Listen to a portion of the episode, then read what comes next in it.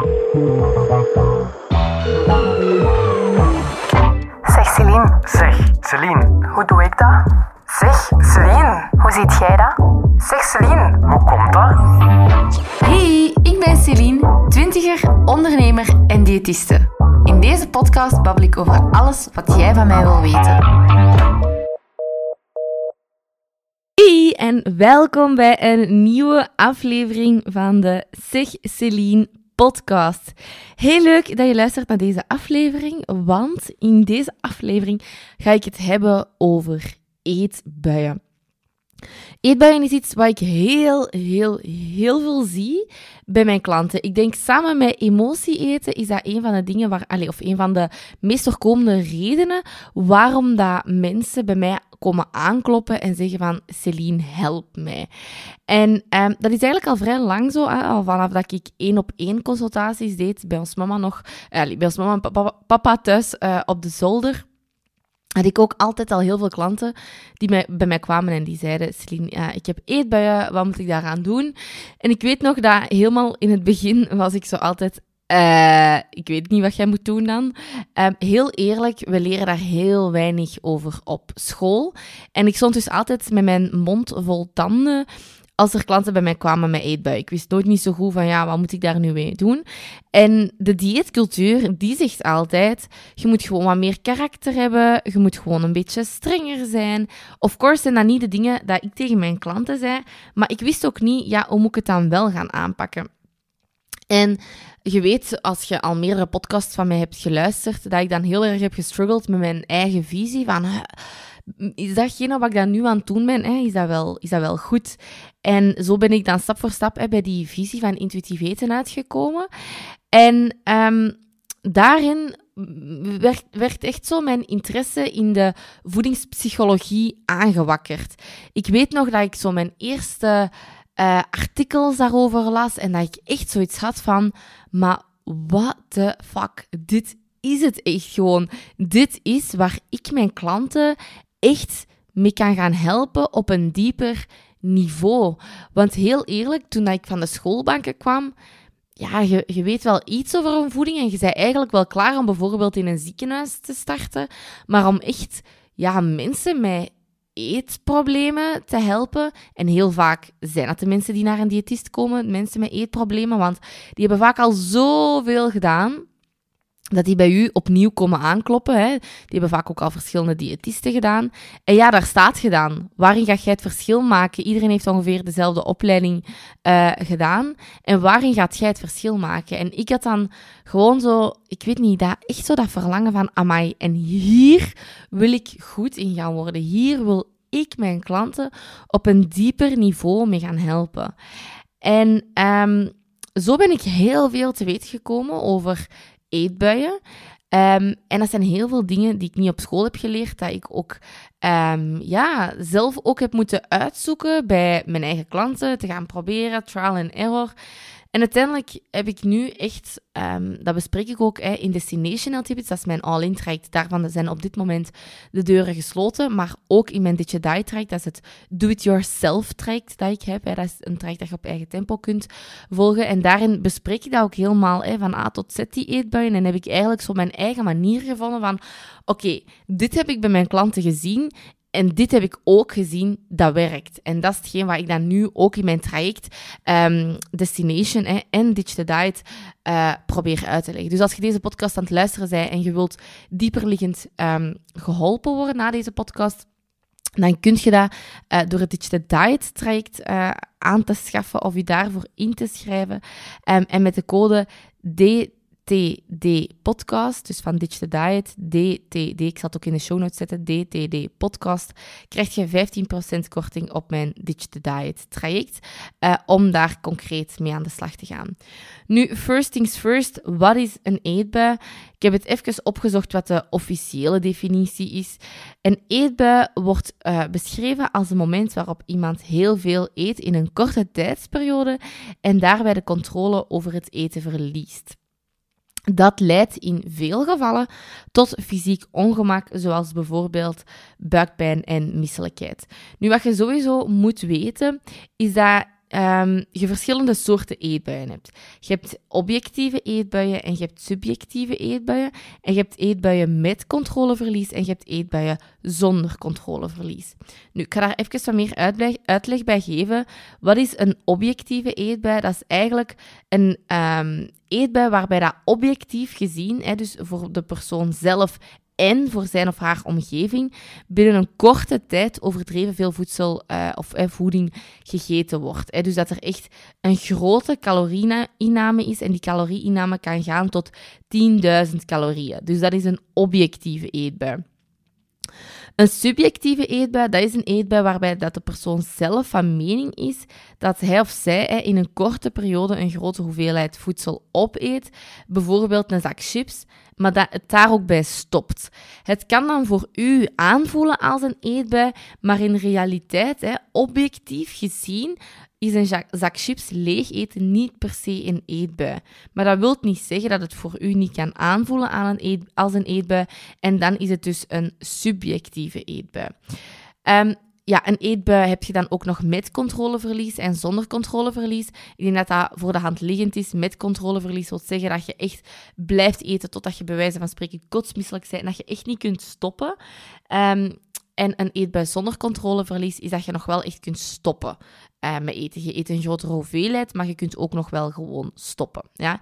Dus um, objectieve eetbui, subjectieve eetbui. En je hebt eetbuien met controleverlies en eetbuien zonder controleverlies. Nu, het kan nog verder gaan dan klassieke eetbuien. En um, wat bedoel ik daarmee? Er zijn ook mensen die eetbuisstoornissen hebben.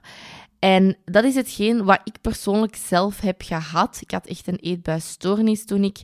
Ja, ik, ik weet nooit niet de exacte leeftijd, maar ik denk toen ik ongeveer 16, 17 was. Um, en bij mij um, is dat ook ontaard uiteindelijk in bulimia. dus um, momenten waarop ik meerdere keren per dag mijn eten uh, er terug uit deed. De, wanneer spreek je van een eetbuisstoornis? Hè? Dat is als je jezelf herkent in minstens drie kenmerken die ik nu voor jou ga opsommen. Dus je mocht even heel aandachtig luisteren en eens kijken of dat je je herkent in, meer, in minstens drie van de kenmerken. Als dat zo is, dan heb jij zelf een eetbuisstoornis. Oké, let's go. Nummertje 1. Je eet veel sneller dan normaal. 2. Je eet door tot een onaangenaam gevoel ontstaat. Nummer 3. Je eet grote hoeveelheden zonder dat je lichamelijk trek hebt. Nummer 4. Je eet alleen uit schaamte over de hoeveelheden. Nummer 5. Achteraf voelt je je soms... Uh, sorry, je eet alleen uit schaamte... Ik heb het hier opgeschreven, maar ik, zeg even een puntje niet. Dus je eet alleen uit schaamte over de hoeveelheden. En achteraf voelt je je somber, schuldig of walgt je van jezelf. Je leidt duidelijk onder de eetbuien, hè, dus het heeft echt een effect op je leven. De eetbuien komen gedurende drie maanden wekelijks voor. En je neemt geen compenserende maatregelen zoals braken, extreem letten op je voeding of overmatig gaan sporten. Uh, dus in, in zo'n gevallen, hè, als je gaat braken, dan spreken we echt van bulimia um, nervosa, bijvoorbeeld. Maar je hebt nog andere verschillende soorten eetstoornissen. Bij eetstoornissen denken we altijd dat we het meteen hebben over uh, anorexia. Um, maar bulimia en eetbuisstoornis, dat zijn ook effectief orthorexia. Ook dat zijn uh, eetstoornissen. Ja. Nu, de dieetcultuur pakt dat eigenlijk helemaal verkeerd aan. Hè. De dieetcultuur, als je gaat opzoeken wat moet ik doen tegen eetbuien, dan staat er heel vaak dat je gewoon wat meer karakter moet hebben, dat je gewoon niet mocht toegeven. Um, en zo werkt het niet, want het eetbui is eigenlijk een reactie van je lichaam op iets. En um, die iets, dat wil ik met u vandaag ook onderzoeken. Want ik ben eens gaan kijken van oké, wat zag ik bij mijn klanten en wat zijn eigenlijk de tien grote oorzaken dan van eetbuien. En ik ben die eens een keer uh, voor mezelf gaan oplijsten en die ga ik nu ook samen met jou gaan bekijken. Stap 1 dus om je eetbuien te gaan aanpakken, is gaan kijken van waar komen mijn eetbuien? Want zolang dat je niet weet van waar dat ze komen, kun je onmogelijk iets gaan aanpakken. Je moet dus eigenlijk, ik stel dat heel vaak in mijn trajecten ook voor, met, die, um, met die ijsberg. Je ziet aan de oppervlakte ja, dat puntje van die ijsberg, dus die eetbuien. Maar daaronder, wat daaronder zit, is zoveel belangrijker om te gaan kijken wat speelt daar echt. En als we dan gaan kijken naar de verschillende redenen van eetbuien, heb ik gezien dat je dat kunt opdelen in mentale restrictie en in fysieke restrictie. Um, dus we gaan eerst eens even kijken naar de mentale restricties en daarna gaan we kijken naar de fysieke restricties. Dus de eerste mentale restrictie, dat kan zijn hè, dat het gaat om um, vermoeidheid. Dat je echt zegt van, ah, ik ben constant moe. En dat je als gevolg van die vermoeidheid naar eten uh, gaat zoeken. De volgende is jezelf voedingsmiddelen ontzeggen. Um, je weet ondertussen misschien al als je meerdere podcasts hebt geluisterd. En als dat nog niet is, dan raad ik u aan om meerdere podcasts te gaan luisteren. Um, maar als je uh, jezelf voedingsmiddelen ontzegt, dat die extra aantrekkelijk worden. Hè. En dat werkt ook mentaal zo. Uh, als je tegen een kind zegt, je mag niet op je rode knop duwen, dan gaat dat extra hard op je rode knop willen duwen. En dat werkt ook zo hard zo met voeding zo. Um, dus vermoeidheid en jezelf voedingsmiddelen ontzeggen, dat zijn er al twee op zoek gaan naar een rustmoment. Dat kan ook, je dat pas nog op een lezing gehoord dat iemand zei. Ja, weet je, dat eten, dat is dan voor mij even zo ontlading en even gewoon aan niks denken en gewoon me-time. Dus dat is op zoek gaan naar een rustmoment. Um, welke heb je dan nog? Mentaal, maar dat is niet als gevolg van restrictie per se, maar uh, emotioneel eten. Dat kan ook uh, een oorzaak zijn, hè? dat je uh, om bepaalde emoties niet te moeten voelen, dat je gaat eten. Maar het kan ook zijn dat je eetbuien hebt uit gewoonte of uit verveling. Dus mentaal, wat, wat kunnen oorzaken zijn als ik het even samenvat? Uh, vermoeidheid, jezelf voedingsmiddelen ontzeggen, op zoek gaan naar een rustmoment, emotioneel eten, gewoonte en verveling. Dus dat zijn er al zes van de tien. Dus kijk al eens voor jezelf, oké, in welke van deze zes herken ik mezelf? Daarnaast heb je ook nog fysieke restrictie.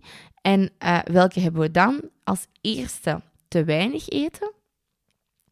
Als tweede, niet naar je hongersignalen luisteren. En dat zie ik heel vaak ook bij die eeuwige diëters, is dat die niet naar hun hongersignalen luisteren, omdat die ook heel vaak geen honger meer hebben. In Teach Diet Traject leer ik u hoe dat je dan je honger terug kunt gaan opwekken en meer honger kunt gaan hebben. Allee, meer honger hebben, gewoon eigenlijk niet, je, je honger terug kunt gaan opwekken.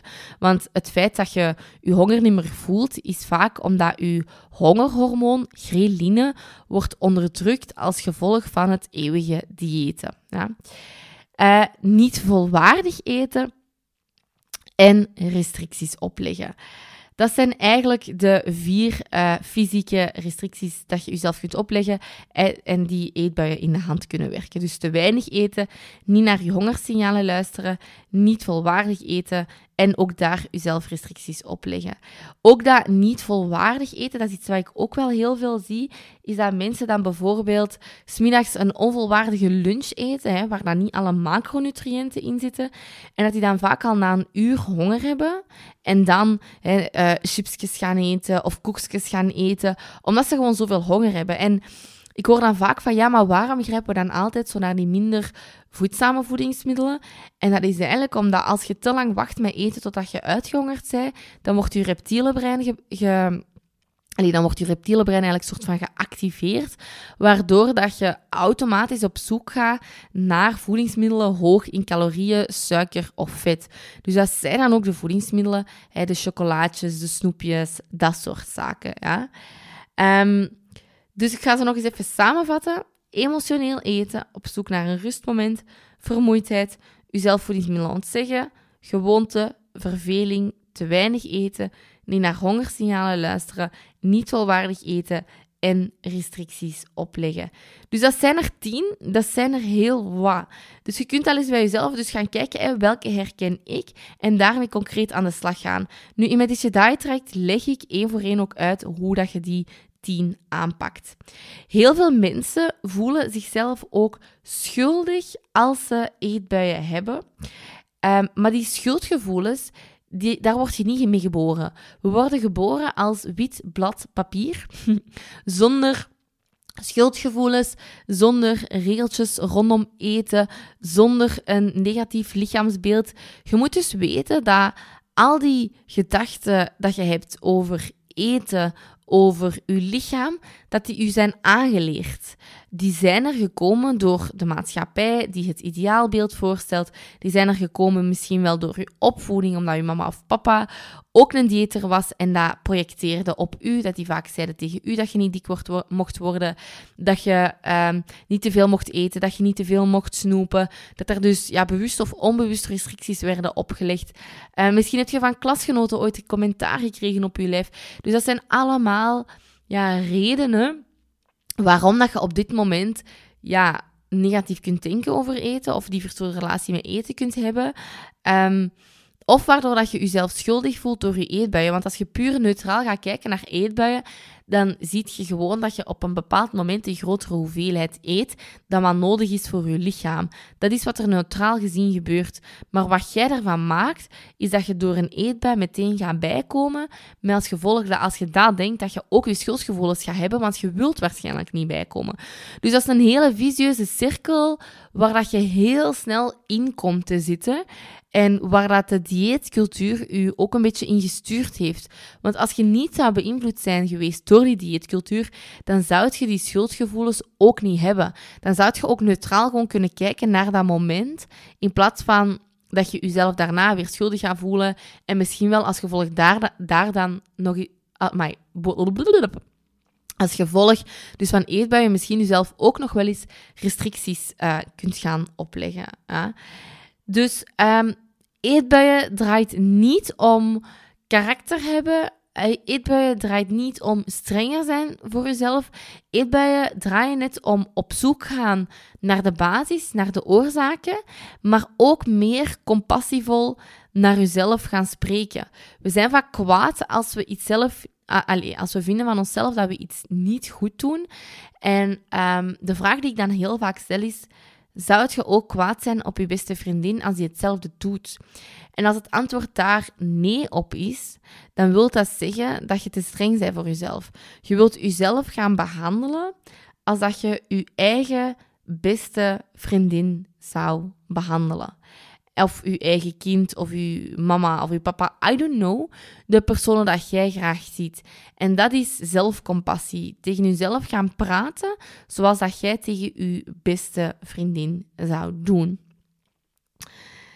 Voilà, dat was het voor deze podcast. Wilt je hier verder mee aan de slag?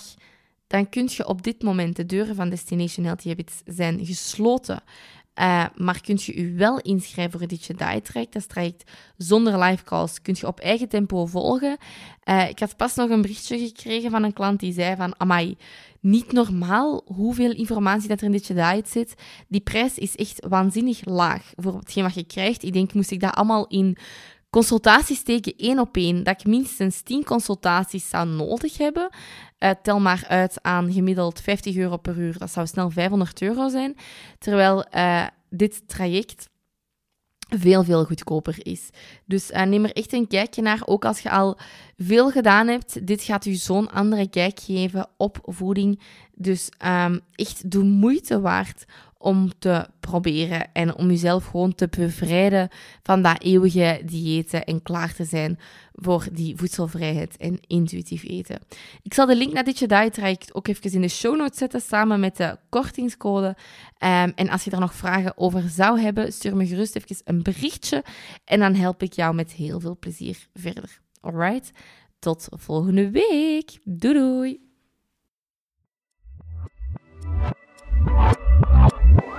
Om te luisteren naar deze aflevering. Heb je zelf nog een Zeg vraag, dan kun je die altijd insturen via de link in beschrijving.